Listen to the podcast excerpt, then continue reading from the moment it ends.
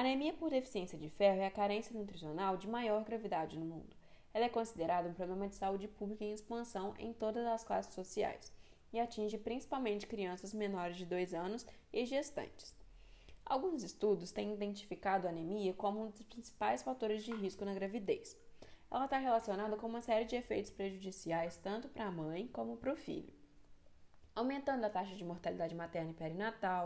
o risco de prematuridade e baixo peso ao nascer, o nascimento de recém-nascidos com reservas baixas de ferro, além da diminuição da capacidade cognitiva, de aprendizagem e de concentração.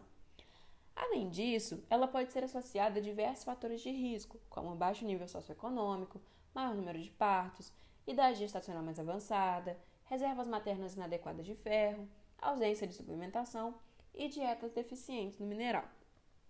É muito grande a ocorrência de casos em que a ingestão mínima de vários micronutrientes não é alcançada, como ferro, folato, cálcio e vitamina D.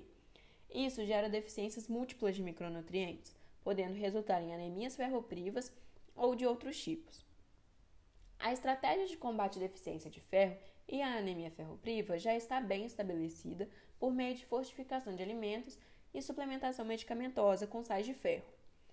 Segundo o Ministério da Saúde, os sinais e são inespecíficos, tendo que consultar exames laboratoriais de sangue para que seja confirmado o diagnóstico de anemia. Caso a hemoglobina esteja com nível menor de 8 gramas por decilitro, a gestante é diagnosticada com anemia grave. Se a hemoglobina estiver com nível entre 8 e 11 gramas por decilitro, ela está com anemia leve a Nesses casos, é aconselhado que a gestante seja encaminhada para o respectivo tratamento adequado. Medidas devem ser adotadas, tais como modificações das práticas alimentares, das ações universais de atenção pré e incentivo ao consumo de alimentos fortificados, independente das condições socioeconômicas da clientela.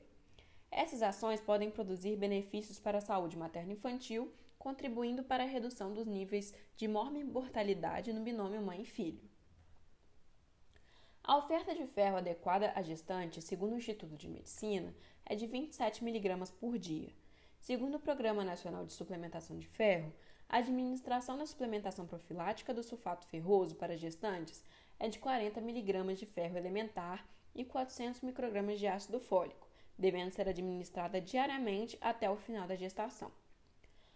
Uma sugestão de conduta seria realizar dieta adequada normocalórica com dois terços de proteína de alto valor biológico, pois oferecem aminoácidos para a síntese de elementos sanguíneos e são fontes do ferro N, um qual é mais bem absorvido devido à forma ferrosa.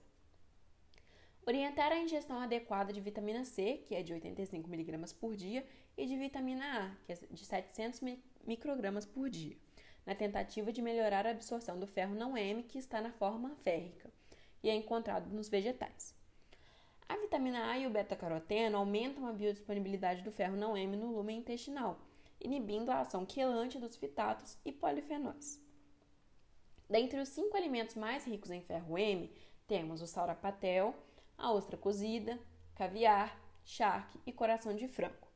E os cinco alimentos mais ricos em ferro não M são o alecrim seco, nestão aveia, farelo de trigo, lentilha seca e cravo da